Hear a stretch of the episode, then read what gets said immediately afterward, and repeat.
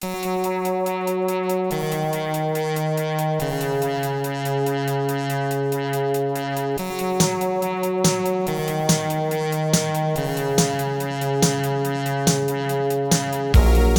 to First Draft with me, Sarah Enni. Today I'm talking to Isabel Quintero, the Morris Award winning author of Gabi, A Girl in Pieces.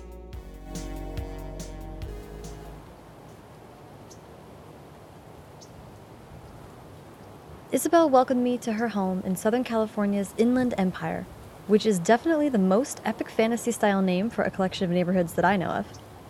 Isabel is a former librarian and current lit professor, a poet, and, judging by the Harry Potter paraphernalia in her adorable apartment, my favorite kind of nerd. She is so sweet and thoughtful, and anytime I get the chance to shut up and listen to how a poet interprets the world, I find myself the better for it. So get your updated Pottermore sorting hat results and kick back for a lovely conversation.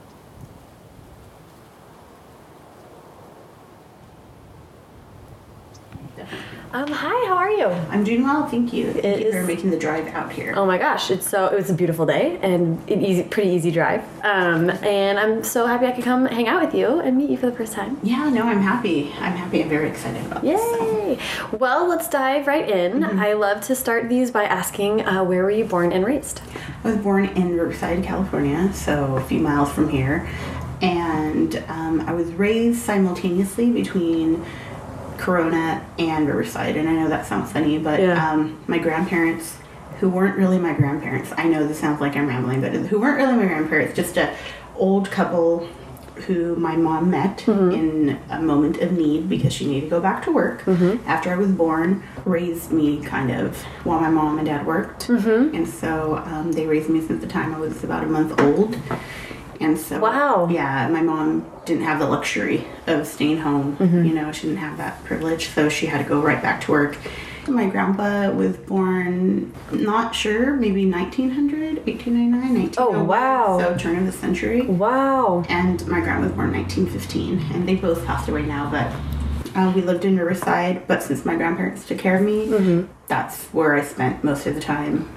Totally fascinating to me that you had this experience from the get go of sort of a chosen family and of mm-hmm. people being incorporated into your life just as as e equal to blood, but Yeah. by happenstance in a kind of a way. Yeah, but I, you know, my my mom and dad, you know, my mom worked in a convalescent hospital at that time, mm-hmm. and she worked in the kitchen, you know, um, cooking and washing dishes, and she worked double shifts often. Um, you know, my dad drank a lot, and so when you drink a lot, you need a lot of money to support that drinking habit, and so yeah, sometimes she, I would spend the night there because. There'd be no point of picking me up at 11 p.m. and then dropping me off at 4 in the morning. Right. So Right. you know that's just the way it was and they were really great people. Yeah. yeah they were really it sounds like it. yeah they were um, my grandma would make me well not just me but um, she would make tortillas in the morning to sell flour tortillas. And so she'd get up i don't know five in the morning before that to make dozens and dozens of tortillas and people would come by and buy them from her. And so i was spoiled. I was i was spoiled by her. Um, not in the i get everything i want but i got all the love i wanted Yeah. you know They're sort of they sort of got the chance to give you their history, yeah. which is like different from Oh, my grandpa came here, I think, in 1914 for the first time, and he would tell us it was because because I ask a lot of questions yeah. of a lot of people. all the time. I just like asking questions, and especially older people. And he came in 1914, 1915 during the Mexican Revolution because he was escaping the Mexican Revolution. Right. He didn't want to participate, so he'd come out here, here, and he worked in fields. I think he worked in mines. He'd tell us that he worked in mines in Arkansas. Wow. Actually wrote a poem about it. Yeah, and um, he had lost his hair and. Yeah. Yeah, and my grandma, I think they met when she was 15 and he was 30. Yeah. Really? Huge age gap. yeah. That's hilarious. But I think he worked, if I'm not mistaken, I think he worked on her family's farm and That's how they met. That's so cool. So, what? Um, I'd love to hear how reading and writing sort of factored into your childhood. My dad's illiterate um, and he's learning now how to read and write. Wow. but it's um, everything's political i guess. Um, so like where he grew up sometimes there was a teacher sometimes there wasn't a teacher. And so it wasn't a place where you know they were good laborers, but they weren't good enough to educate. They were good enough to work, but not good enough to educate. And so he worked, you know, picking tomatoes in Mexico and helped building a dam and doing, you know, but there wasn't a lot of school. My mom, she was pulled out of school when she was, I think, in third grade. My grandma told her like she needed to be a woman and like learn how to make tortillas. Like, Wow. and before my grandma passed away, she said that was one of the things like if she had to do it over, she wouldn't have pulled her out of school because my mom, like she likes reading, and we were actually talking about reading and literacy yesterday, Yeah. my mom and I, and um, my mom loves to read. She reads a lot of like health things, but she's always liked to read, and my grandma did too. But yeah, my mom would sit and read to me, and I've told the story over and over. Again, but Amelia Bedelia, like that's Yay. what sticks out in my mind, like learning to read. She'd walk me to the library. My brother and I would walk to the library, carry books. Well, she'd carry a lot, you know, and just read and read. I'd mm-hmm. get in trouble for reading. For in trouble for staying up reading, or for staying yeah. up reading and for you know, for reading in the dark. You know, mm-hmm. driving long car rides, like mm-hmm. using the street lights. Straining your eyes, yeah, I, yeah. I remember my mom would say, "Your eyes are gonna get messed up for so much reading," and I was like, "Yeah." I didn't tell her this because I'd get in trouble, but like, gosh, she's crazy. She doesn't know what she's talking about. and then um, when I finally got my glasses in my mid late twenties, my optometrist said, "You know what this is from? So much reading." I was like, "Ah, Are you my serious? mom, oh my gosh, mom." that's hilarious that the doctor pinpointed it so precisely. Yeah. Like, hey, heads up. Yeah, you know when I was Well, that's so reading. o- Obviously, sounds like. Oh, from yeah. the get go. Oh, yeah, But when did writing factor in? As a kid, my mom would have me write letters to my family in Mexico Oh. to practice Spanish. So writing was introduced, you know, at school, Mm-hmm. and then at home it was reinforced. Um, What was your first language, or were you, were you, did you learn both simultaneously? I, I Spanish would be my first language, Yeah. and then right after was English because we lived next door to my godmother, and her kids were older than me, and. Okay. so I'd go over and play, and they were already in school. Yeah. so I picked up English a lot quicker. So learning, but my mom didn't want me to lose that language, Yeah. so she would have me write letters to my grandma, to my aunts, Mm-hmm. cousins in Mexico, and then. Um, I remember I remember the first story I wrote was in fifth grade. It was a scary story. It was for Halloween in Miss Lang's class. And I got it back and it was like, you know, it's a really good story. And I just remember thinking, oh, this is great. Like I like this. And um, you know, in eighth grade, Miss Siddon's class, she would we had a prompt, you know, like English class, you have a prompt, and she had a quote on the board, and she would have us critically think. Mm-hmm. You know, it was always just quotes about war and is it justified. It was like big ideas, you know, for eighth graders, and so we would have these discussions, but she'd have us write about it first, and so that was, I think, not I don't know, maybe my first introduction to using writing as a way to think. Mm-hmm. In 10th grade, I mean, I was in honors class in English in high school, and then in 10th grade, with Agard, she had us read E. Cummings, Anyone Lived in a Pretty How Town. We, I mean, we reenacted Antigone in her class. We, um, we did a lot of very creative ways of um, engaging with literature. She Yeah. did a lot of creative ways, a lot of creative things in trying to get us into lit. And um, but that poem like really like stands out because it was really the first time that I thought, oh my god, like I don't have to use capital letters in a poem. totally. like you know, like and I Even in your name. e- even in your name you know even in your name like and i can split words down the middle i can do all of these things and Mm-hmm. um, it's okay Yeah. and so i started writing you know really shitty poems. Um, and then that i think that was it. I just started writing and writing poetry. I was gonna say, was that your first introduction really to straight poetry? just poetry Yeah. like bad bad poems. And when i got to college i read um, Michele Serros's chicana falsa like i really found my voice. Like i don't know. I think for a long time i didn't see writers there's a possibility of writers being anything but white Oh. white dead men like mostly white dead men right mm-hmm. and so i didn't see myself in the role of a writer mm-hmm. because i wasn't white or a guy but when i read her it was very eye opening. You know, it was like I can write about this. I could write about my culture. Like it's like she gave me permission. Like it's okay to write about your culture. It's okay to write about you know using Spanglish and things like the everyday. I mean, William Carlos Williams writes about the everyday, and Walt mm-hmm. Whitman writes you know about, but she wrote about my everyday, mm-hmm. and that was huge. Yeah. huge. And then I continued to write, and then I started going to poetry open mics. And Okay, well, wait. I want to back up because I'm mm-hmm. super curious about when you were exploring po- poetry as a still in high school, as still a young adult. Was it autobiographical? Was it sort of taking the place of like a diary? How were you? Um, both. Both. So it was autobiographic. A lot of shitty love poems too. Yes, Oh god. Just like bad, bad love poems. that's what all mine were.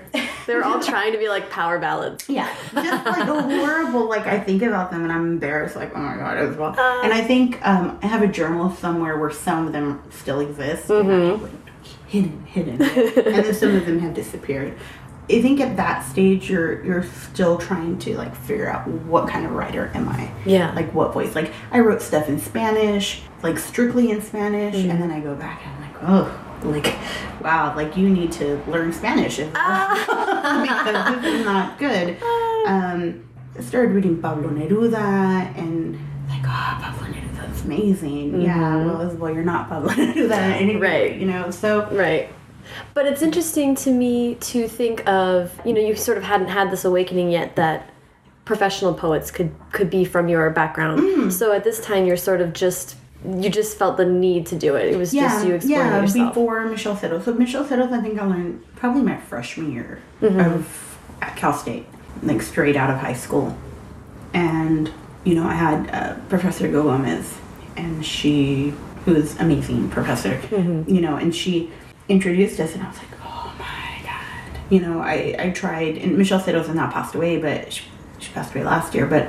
I had the opportunity to speak with her and to like you know thank her because I interviewed her for Small Press Orange Monkey Publishing, and I interviewed her and got to talk to her about my book and like I sent it to her because she had agreed to do a blurb, but she was really sick by that time, and you know she had encouraging words and you know and her words really encouraged me to like take ownership of my words and take ownership of my work. And she said, you know, it's your baby, and no one's gonna take care of it like you will, and and so she was really meant a lot.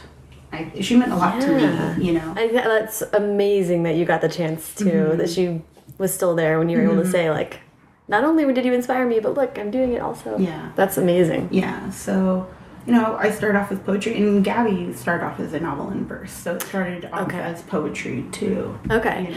Okay, let's build to that. Yeah, Um, sure. Because I, um, had you seen, did you feel like you were seeing yourself in any of the books that you were reading? Like, had you seen yourself as a character in books or as an author of other forms before you kind of had the poet and poem awakening? No, I could relate. I mean, to these like big ideas. So mm-hmm. you know, John Steinbeck is my favorite author. I did not. I admire. I think what it was is I admired these writers, and I wanted to do these things, mm-hmm. but I didn't see myself in the way, let's say, I saw myself in Michele Serros' work, mm-hmm. right? So I, while I could relate to Lennie and George and their struggle, and I could see, I could understand hardship, and I could mm-hmm. understand poverty, and I could understand wanting freedom, or I could understand Tom Joad and like we Yeah. need to fight. Like I, I could understand all of those things, and I, I could say, yeah, like we do, we need, mm-hmm. we do need to fight for our rights. We are, you know, un, I think an oppressed people, and we do have to stand up. I don't know if I at that time I really realized how I was connecting or why I was Right. connecting. So no, I mean culturally I didn't connect with any of those stories, but I think I connected with them as an American. And that's like a weird The thing is like when you grow up as and I'm a very light person of color, very very light person of color, can pass as white.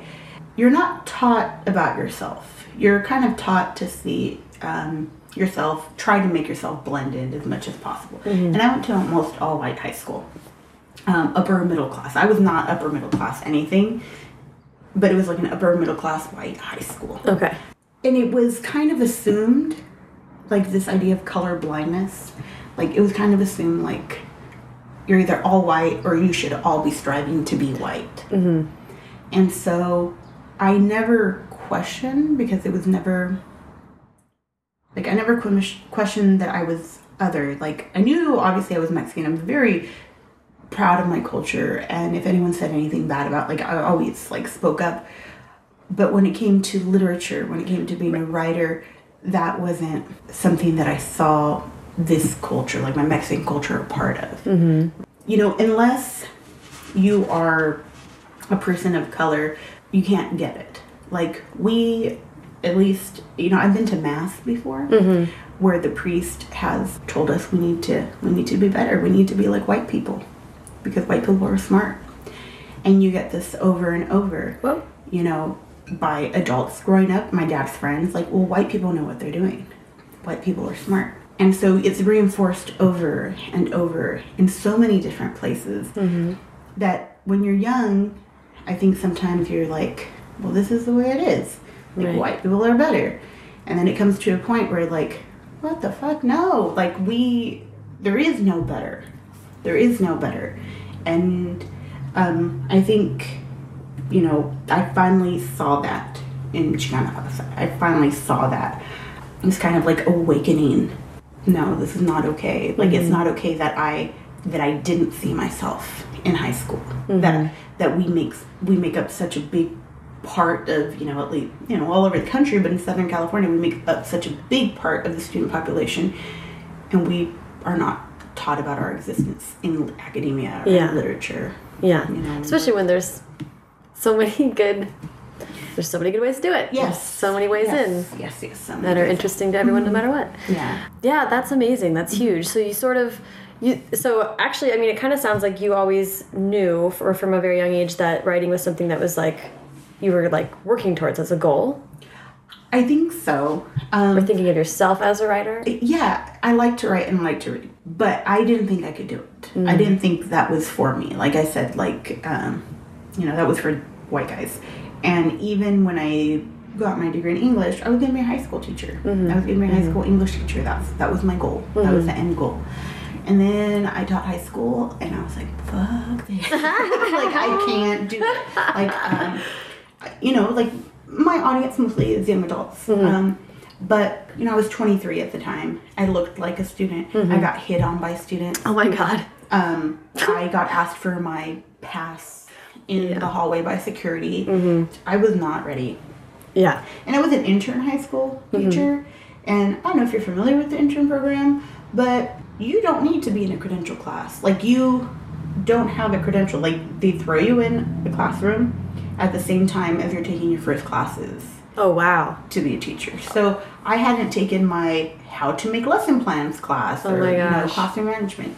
And so for me, I just I couldn't do it. Wow. You know, I I, I did not have the personality. I Mm-hmm. was too nice. Students took advantage of it. So I did like one year of high school teaching and a few months and then I'm like two I was two quarters shy of getting my credential, like my Mm-hmm. full credential. And I was just like, this is not for me. Like I can't. I can't do this. Like the last day students called me a bitch to my face and I was like, I can't like I, ca- I don't care because they pay you like a regular teacher. Right. I was like, I don't care how much they're paying me. I'm not gonna do this anymore. And I walked out of my class. Wow. I, I called up the office and said, Hey, you need a sub because I can't do this. wow. And um, that was the last day. Yeah. And it, you know, I'm not very proud of that moment. I could have waited till the end, but uh, it was just a very negative experience for me. Yeah. And and then I was like, what are you gonna do with your life, Isabel? Because this was the only plan you had. Right. And your plan was to be a teacher. And I took a creative writing class. Um, Well, hang on. I want to. I don't know. That is a really amazing moment Yeah. to have. I think everyone gets a couple of those moments, and there- and it's such a. Um, a couple of those moments of like radical self care Mm-hmm. where it's like not because I, I definitely relate to what you're saying of like not looking looking back and not being particularly proud of that Mm-hmm. but it also is like you had to go like you Yeah. and you had to admit to yourself that that like you couldn't no, and and you know it happened like the, within the first month of teaching high school, I went to the personnel department, human mm-hmm. resources director at that particular district, and I I said I can't. I went after school, after work, and I was mm-hmm. like, I can't do this. I'm going to switch over to student teaching because I think that'd be much more beneficial for Yeah. me for the long run. And then, but th- at this district, at this school, they had had teacher after teacher in this class, so they really needed a teacher. Mm. And the human resource director looked at me and he said, So is this how you handle all your problems in life? You just run away from them? whoa And he just like touched his back and was like, Go like this. You have a spine. Like, wow and I'm 23. I'm just like figuring out like you know what what this path is like Yeah. being a teacher. And I I tried. I and so I'm, I'm crying. And he's like you know you can't quit. Are you going to quit everything in your life? And so of course like an idiot I was like all right I'll go back. Yeah. and so it was a year of like hell wow. It was a year of hell and then um and feeling like if you if you I- were going to listen to yourself that was failing yeah, if I was going to do this other thing, if I was going to do student teaching, I was being a coward. I was, Wow. you know, I was, I was failing. yeah You wow know, and so, yeah, but it, it was a moment of finally like, no, Isabel, like you can't put up with this shit anymore. Like you really cannot do this anymore. Um, They're weird moments because they're like you're hitting, you're hitting a weird bottom, but it's like the bottom of the next step. Yeah, it's and- like and- leveling up. and the thing was that it was, most of the students were great. Most of the students were great. Yeah, you know it's just a lot of times you know, it wasn't the right it wasn't the right time i think now if i did it it'd be mm. different yeah. Oh because yeah. i wouldn't take things so personal Yeah. you know it'd be like all right you don't like me congratulations neither does anyone else that's fine you still have homework you know and Yeah. that would have been a very different attitude but at that time They're so young. so yeah, I was a substitute teacher. I worked at Starbucks. I worked at Borders at the same time, and I'm like trying to figure out what am I going to do. And then I realized if I don't go to school, I need to start paying back my loans. Right. and so I was like, I need to take a class. What am I mm-hmm. going to do? And I also had decided I was going to apply um, for the master's in composition because you know maybe I could teach college or mm-hmm. something. Mm-hmm. And so I took a creative writing class in between. Like, you know, I applied and waiting to see if I got accepted to the program. I took a creative writing class and it was the first time I'd ever taken a creative writing class. And it was kind of like, wow, this is pretty cool. And the professor, uh, Julie Pagel, she's a poet, and she was like, oh, Isabel, so you've taken a lot of workshops. And I'm like, no, this is my first workshop. And she's like, you need to be published. Wow. And she really kind of, by her, like, I believed it. I know she said that to all of her students. And I, you know, I've talked to her afterwards, and she's like, th- that moment of like, like your words, like you can do this, mm-hmm. was all I needed to believe. Mm-hmm. Like that I could do it. Like that, that extra little push, like I could do it. And I started being more disciplined about my writing and more writing more Yeah. and reading more mm-hmm. and learning about like what is an MFA. Oh, this is an MFA. Um, learning about AWP, learning about all of these different things that I didn't know even existed, and meeting other creative writers and, and seeing like, oh, people do this. You know, people Yeah. do this thing. And, Normal people, human beings. yeah. and so I, yeah, that was that was it. That's cool. That's so cool. So, um, in that period um, where you're sort of like, what am I doing with my life? I'm guessing you're, I mean, obviously you're still writing. And was it still poems? I guess I'm just sort of asking you to lead me to, you sort of decided to take it more seriously. Are you looking just at poetry? Are you looking at other stories? How were you sort of exploring that? I had never seen myself as a fiction writer. Really? No, I'd never seen myself as a fiction writer. I saw myself as a poet, and I wrote poems. Mm-hmm. My poems were usually narrative, so I like stories. So mm-hmm. usually that's that's where they went. So they were fiction, or they were Um, narrative of, of Yeah. So Self. the, the narrative of self and of others, and sometimes fiction, but they were not. I didn't see myself as like a short story writer or even a story writer in Yeah. general, just as a poet. Why do you think that was? I don't know. I, I really don't know. I like both, but poetry. I, I don't know. I never thought about that question. I just didn't see myself as a. You know, I wrote a. I the first story I wrote. I still need to rewrite, but I remember the first story I wrote, and it's about uh, a guy who's cheating on his wife, and then his lover leaves him, and then he ends up hanging himself, like you know, but the end is like a twist. And so, you know, I'm like, oh, yeah, it's like really cheesy, like ending. Like you need to like, you're not M Night Shyamalan. Like, need to, you need to do something with that Right. and fix it. And so I started experimenting with writing short stories, but I don't know. I just poetry is always called to me, and I don't know if it's it was that moment with E Cummings. Then you have such small space, and you're trying to do so much mm-hmm. within that small space, and the weight of each word, and mm-hmm. the many different ways that you can play with language. Mm-hmm. And I really didn't see at that time that story could do that. But then I, you know, then I'm reading other stories where, where writers are doing these experimental things, and I'm Right. like, I can do this, you know, in fiction as well. But yeah, like Gabi was a novel in verse first, and so that's like I think that was like kind of like the shifting point. Like, okay, I can tell a story with poems. Oh wait, I can write this. I can write a story. Mm-hmm. You know, just straight story. Yeah, that's so cool. So what what what um spurred you on to try the different formats? Like you the that first short story that you wrote. How did that come about?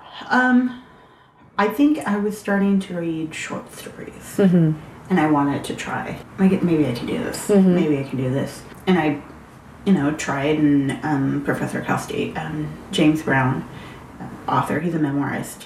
He looked at it and like he gave me like really good feedback. And you know, I think I've just had really encouraging professors, mm-hmm. and like. I really believe that encouragement. Like, okay, you should be published. Okay, let me try. Like, Yeah, oh, this yeah, is yeah. a good story. You just need to do this. Okay, let me do it.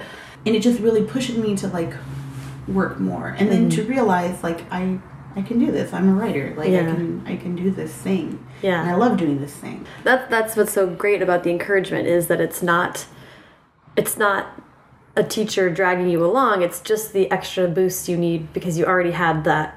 You were already able to self motivate. You were Yeah. already working hard on it. Yeah, and it was that that moment. I think I think I really needed that at that moment because I was really in crisis mode. Like I don't know what I'm doing with my life. Yeah, I- yeah. you know, I thought about being a pastry chef. Like I thought about Amazing. yeah. Like I actually went to Le Cordon Bleu. You did. I got fitted for my chef outfit. Ooh. And then I realized, what am I doing? Like, I don't want to be a pastry chef. Like, I like baking and like eating pastries, but what, I'm not going to be a pastry chef. That's so funny.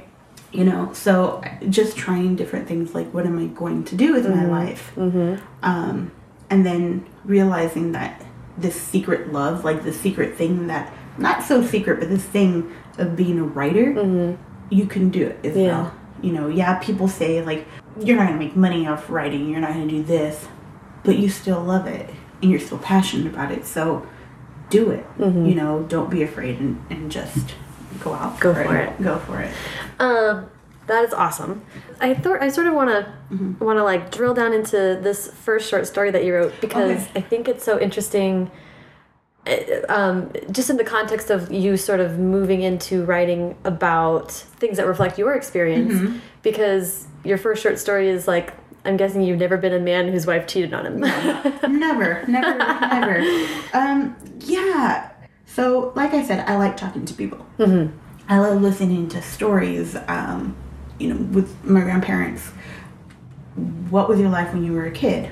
You know, and I just ask these questions. Like when I meet, when I was younger and students didn't know what their parents did for a living, that was I didn't know how that could be. Like I'd go with my parents to work sometimes, so I didn't know how that could possibly be, and I would just ask questions of everybody. So that story in particular came from his story that I heard, Oh, okay, okay, gotcha. and and so obviously like I changed a lot of it, mm-hmm. and I made it fit what I wanted to fit, Yeah. and, uh, and change setting and a lot of things.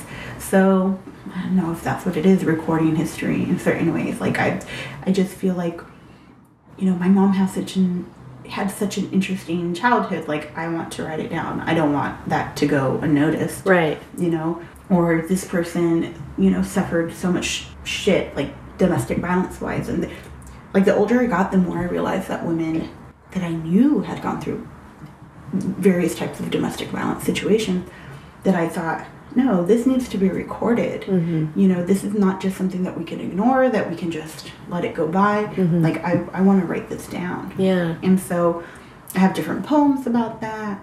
And so that story, that's where it came from. And I think a lot of my writing stems from from that. Like, no, this is important. I want to write it down. Yeah. I don't want the story to go unnoticed. That's that is super interesting. I can see it in Gabi because it is about her and her story, Mm-hmm. which I think is sort of very like not autobiographical of you, but close to your experience. Oh yeah, yeah. And then, but it is also very much about her friends and what they are going through, which is very different Mm-hmm. stuff. Um, so it's sort of a, a like a it's like Mm-hmm. a combination though of all of all of these different, very myriad experiences. Mm-hmm. Um, well, oh, oh, uh, and the other side of that Mm-hmm. of, of that question was about just sort of when you started to maybe shift to young adults or to that age group. Was any poetry focus on that? How did that happen? Um, so I took a young adult lit class. oh, cool. It looked interesting, Mm-hmm. but I had a bias against young adult. I thought glittery vampires. ah, yeah. it really changed my mind. Because, you know, I'm reading K.L. Going's, like Fat Kid Rules the World, and I read that book and I'm like, holy crap. Like, this is such a good, this is a good book. Not this is a good YA book, but this is a good book. Right. Um, and then I read Juan Felipe Herrera's Crush from Love and um, Karen Hesse's Out of the Dust. And then eventually I read Crank. You know, I'm like, like, I can tell a story in poems. This can happen, you know. So that's when I started writing. I was still in crisis mode. I was still in. Um, it was a very, very dark times for Isabel. Very, very dark times. I don't know if my anxiety has ever been worse than what at that time, but it was really bad. And yeah, I started just writing. I'm like, I'm going to write. First, it was I'm going to write my story, but then I was like, I don't want to write my story, like completely. I don't want to put myself out there like that. So Yeah, yeah. I'm going to write and I just started writing like novel or just poems about this character. And Gabi, it, it was called uh, Photographs of a Fat Girl at 1st and it was completely different format. It was, I think, a little bit more depressing. A lot. it was very like a very depressing story. I think at first, um, not as not as funny and. Um, it was all four years of high school. Okay. And so I was trying to do a lot, and I'm like, not trying too hard, but just trying to figure it out. Yeah. Trying Yeah, to yeah, figure yeah. it out. So That's like I'm. I do similar things where I- I'm imagining you writing all four years of high school, mm-hmm. and it's like you end up writing all of the of the what doesn't need to be in the book Yeah. to find out what needs to be in the book. yeah, yeah, you know, and eventually, like I sent it out, and then it was rejected everywhere. So As a straight verse. as straight verse, Yeah. yeah, straight verse, and then an agent was like, "Well, if you change it to prose, I want exclusive opportunity to consider it," and I mm-hmm. did. I switched it, mm-hmm. and then she never got back to me. Really, I had an experience like that. Yeah. And that is the pits. Yeah, but I thank her because she had it was a radical revision. It really was, and Yeah. that's what Gabi became. Because I mm-hmm. sent her, I sent her the first ten pages that I sent to Cinco Puntos, and Cinco Puntos happened to be like, "All right, well, send us more." Cool. And so yeah, Um, so it it is prose, but there's some different formats that you mm-hmm. kind of are playful with in there. Mm-hmm. So how did some of those different types of formats come about? There's like phone conversations and um, well, I get asked this question a lot, and it's the honest, honest question is I didn't really think about it. This is what needed to be done, so this is what I did. because it was verse before, then I needed to have poetry in there. Mm-hmm. You know, because that was important to the character. Right. Right. Like even in the in the novel in verse, she was a poet, Mm-hmm. so she had to be a poet in this, and so you can't have a poet without poetry. Right. And then, you know, I try to write it out as a traditional narrative, just straight beginning and end. And it just didn't feel natural, didn't feel organic. And then I'm talking to my friend Cindy, and I'm like, you know, I'm thinking about doing it in diary, but I'm not sure. And she's like, try it in diary, it, you know, just try it. And at the same time, you know, I'm working at a library, I'm reading Diary of a Wimpy Kid, and that's why I want to try it in diary because I really love Diary of a Wimpy Kid. Oh, it's so Um, cute. It, it is. It's funny. Like it's just he did ah, so good. Yeah. And so I wanted to see if I could do something similar, but young adult. Yeah. And I tried it. and I was like, okay, this feels this feels right. Um, and then you had this great quote talking about how adults forget how much drama is in a teen's life on an everyday basis. Yeah. They do. I think adults forget what it's like to be a teen in general. Like something happens when you're an adult and you're like, I've always been an adult. I've never fucked up in my life. Right. and Right. life is complicated all the way through mm-hmm. you know until we die like we we're dealing with different things we're confronted with different issues and so i think dealing with death as an adult and dealing with death as a teen i don't know if it's really much different because we deal with death in such different ways Yeah. you know i my grandma passed away um, about a month ago Oh, I'm sorry. and thank you and um it was kind of a surreal because my grandma lives she lives in Mexico. And so I, I talked to her on the phone, um, but I hadn't seen her in, I don't know, I want to say maybe 10 years. And it was still a very difficult moment, just like when my grandparents died when I was in high school. Like that, it was still equally as difficult Yeah. you know, um, to try to process, like, wait, no, like, this is like grandparents don't die. Right. Right. With teens, I don't know what we expect from them sometimes.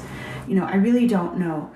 Teens have sex, they do. Yeah. Um, teens have friends, teens have enemies, teens are gay. This is because teens are people, right? And so um, I think we try sometimes to be like, well, you're a teen, you should be acting more grown up. But when the teens act more grown up, it's like, well, you're not a grown up, you're just a kid.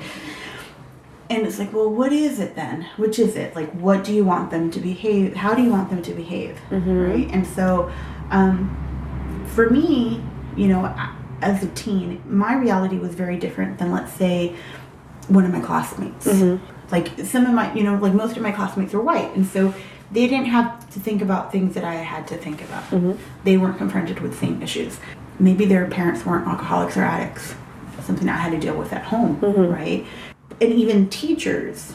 I worked in education. I've been working in education since I was like 17. So in when I worked as an elementary school library tech, I remember teachers like, "Oh, I don't know why they don't finish their homework or why they have all the, you know, their kids or why they're not here on time. Even kids, like, why aren't they here on time?" Well, first off, they can't drive. Right. They're in third or fourth grade. Yeah. Secondly, their parent is an addict. And so when they get home, their reality is very different than the reality you have when you go home. Mm-hmm. You, you get to go home and you pick up your kids. Your kids, you pick up your kids from band, mm-hmm. and you guys have a nice family dinner together, and you have a dog, and you know you take them to their games on the weekend. But when this kid goes home, this kid has to take care of their family, their little brother, their little sister. Homework is the last thing on their list. You know they have to make sure mom is okay dad is okay. Mm-hmm. You know does my brother need to be fed? Do i you know wash my clothes? Like so it's a very very different reality and that's the same thing for teens when i taught high school some of my students were absent a lot because their parents would have them stay home to take care of their little brothers and sisters Wow. Yeah. so that's not the same reality as another kid, right? Mm hmm And so we tend to not realize that these things happen. Like, and I hear people say, well, it shouldn't happen. No, it shouldn't. But that's how it is. Right.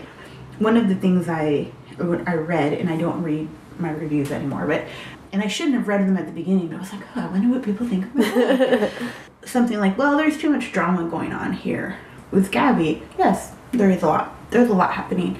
But when I was in high school, my dad is an alcoholic. So I was dealing with that. Um, I had friends that were gay. I knew girls who had abortions, friends who were having sex, you know, um, being offered drugs, you know, dealing with all of these, all of these things at the same exact time. It happens. Yeah. It really, really does happen. Yeah. And just because we put quote unquote childish things on kids like homework and Mm-hmm. these things, learning to drive, all of these things that are a product of the fact that they've only been on this earth for so long, Mm-hmm. uh, doesn't mean that they are not confronted with the exact same thing that will be confronted with humans while they live the rest of their Mm-hmm. life. It just means they have additional responsibilities. They have additional responsibilities, and they haven't. They don't have the same amount of experience as an adult should, because an adult you should know how to deal with certain things, Right. But we don't. Right? yeah. It does don't. not mean that we that we react appropriately. Yeah, yeah, yeah. You know? Yeah. I've been talking to a couple people lately about um, slipping into talking about people who review books or just people's reaction to books Mm-hmm. um, and, and teen books and how frustrating it is to hear people say like, well, this character should have known to do that they should have done this that or the other or this you know the character should have blah blah blah. And it's like that's a, that's indicative of the whole problem which is like you can't even conceptualize a teen on the page. Then you are turning around and talking to you're like assuming that kids in real life are going to be when they are confronted with these problems for the first time that they should know how to handle that Yeah. that's crazy Yeah. um, legitimately crazy. Mm-hmm. And then I was thinking about how I think YA readers, YA is so popular now and mm-hmm. it's so often read by adults.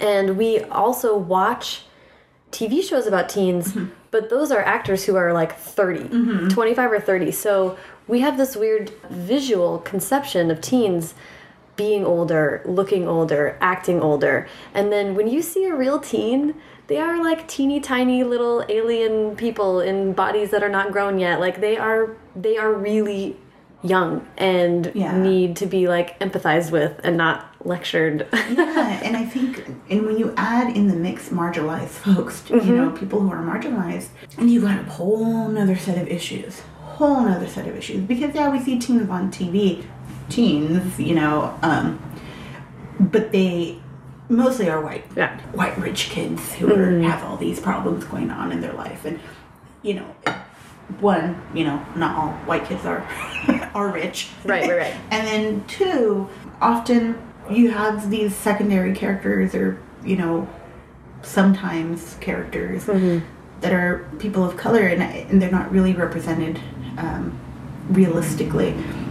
And so when you have teens who are, you know, in real life, they're they're not represented, whether they be able-bodied or whether they be cisgendered or whatever kids of color um, you have a whole nother thing that they are dealing with a whole you know like if you're if you're a black kid like you're dealing with you know you know being seen as this angry kid. If you're you know a brown kid you're you're a mexican like oh like like a dumb kid you know i actually had when i worked at the library in elementary school had one of the teachers ask me isabel why don't mexicans go to college and I said, "What? I, I, I go. I'm in a master's program." And Yeah. she's- And she said, "Well, you're an exception." wow. Yeah. And so these, as a teen of color, then you've got all of these other things that you're being pushed one way and pulled another way, of like how to behave, being bicultural, like what you know. So you have all of these other things. So no, you're not going to know how to behave. Right. You know, I, I, I will continue to harp on it, but even as an adult, sometimes it's hard to know how to behave. Well, or how to react to certain right. situation. Oh, I, okay. I would love to ask about. Um, in a couple interviews, you've mentioned that Gabi is like you, but braver. Yes. Um, and I'm just really curious about kind of how you mean that. Mm, well, um, well, when she can talk to guys. you know, when I was in high school, I, I was very, had a lot of self-esteem issues and very insecure, and so I thought like anytime a guy wanted to talk to me, like if he would show any inclination that he was interested, like I would, like, he has an ulterior motive, like an, you know, like he really. Why would he talk to the fat girl? Like that was, you know, in my head.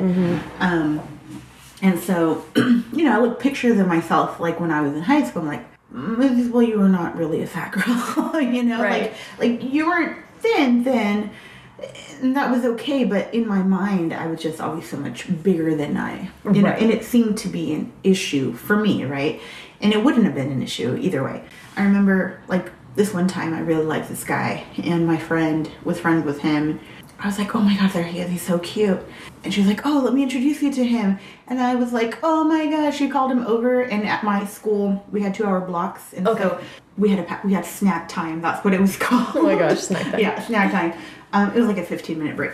I hid in the bathroom the whole entire time. Like, I was just Oh. like, I'm not gonna talk to him. Unlike Gabi, who's like willing to take risks mm-hmm. and willing to like put herself out there and mm-hmm. willing to talk to guys. And and even though she's maybe like in her mind she's like oh you know thinking about it and Yeah. and she does think about like you know like being a fat girl but then mm-hmm. ultimately she's like oh fuck it. Like I'm this is me. Like I never got to that point.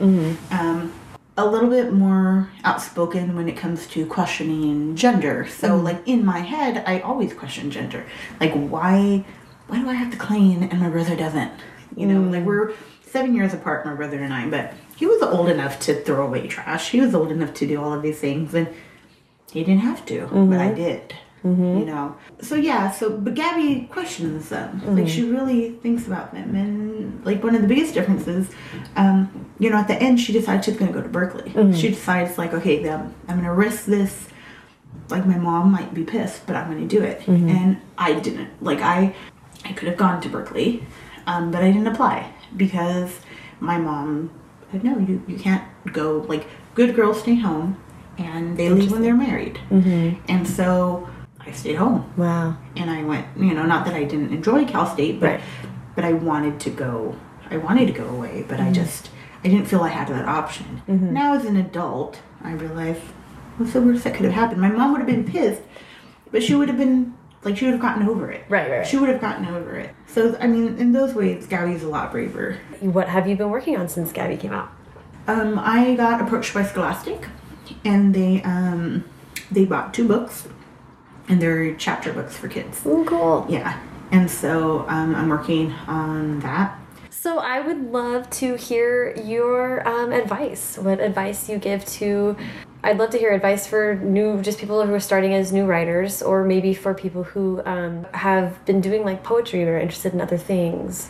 Read a lot, write a lot. Read a lot, write a lot. Um, and one of the big things I think that gets in our way is rejection, it's hurtful, but it's part of the job, mm-hmm. and you just have to keep doing it and don't be afraid to revise your work and to mm-hmm. and to actually look at your work and say mm, yeah this really needs to go mm-hmm. you know? And just write as much as you can and as widely as you can just like you read and read out of your comfort zone. You know read different things. If you're a fiction writer read poetry. If you're a poet read fiction. You know read as much as as you can. Don't only read the classics either. Um, take walks long walks. Take time for yourself. Take care of yourself and get back to writing. I mean there are moments where i am writing and i'm like i don't know what i'm doing. And i will literally just like lay there and just like oh good. What am i doing with this? Maybe i'm not even a writer. Like okay have a pity party and then get back to it. Have a pity party and then for yourself and then get back to what you need to do. Mm-hmm. And surround yourself with writers. I cannot stress this enough because this was a huge thing for me with creative like people like you who have the same goals. I'm part of creative writing group here and we meet like every wednesday and we they've been meeting since 2011 and i started going to the group i think in 2012 mm-hmm. and we meet and we write. Yeah we shoot the shit and but we're there to write. Um, between us like larry eb he's a poet and he has two collections of poetry out. Cindy has like two collections of poetry out. Like we're there to write. Yeah. you know i had joined another creative writing group before that just to test it out but it was more generative and more like pat yourself on the back like good job everyone. Like no that was not a good poem. Right. you know Right. surround yourself with people who are serious about being writers and who who will tell you hey you can do better than this mm-hmm. you know who will be critical of your work but also supportive. Yeah. And who are not competitive in a negative way. You know, I don't think our group is competitive. I think we're just there to support each other. Like when Gabi got published, like my friend Larry was like, I need to throw you a party. Like this we're like, let's do this. Like, you know, he was very excited. Like the group is excited. And for every success that we have, we're excited for each other. Mm-hmm. Because that's the whole point, I think, of Yeah. a creative writing group. That's so great. Mm-hmm. Well, thank you so much for taking No, the thank time. you for coming This is here. amazing. Yeah, awesome. You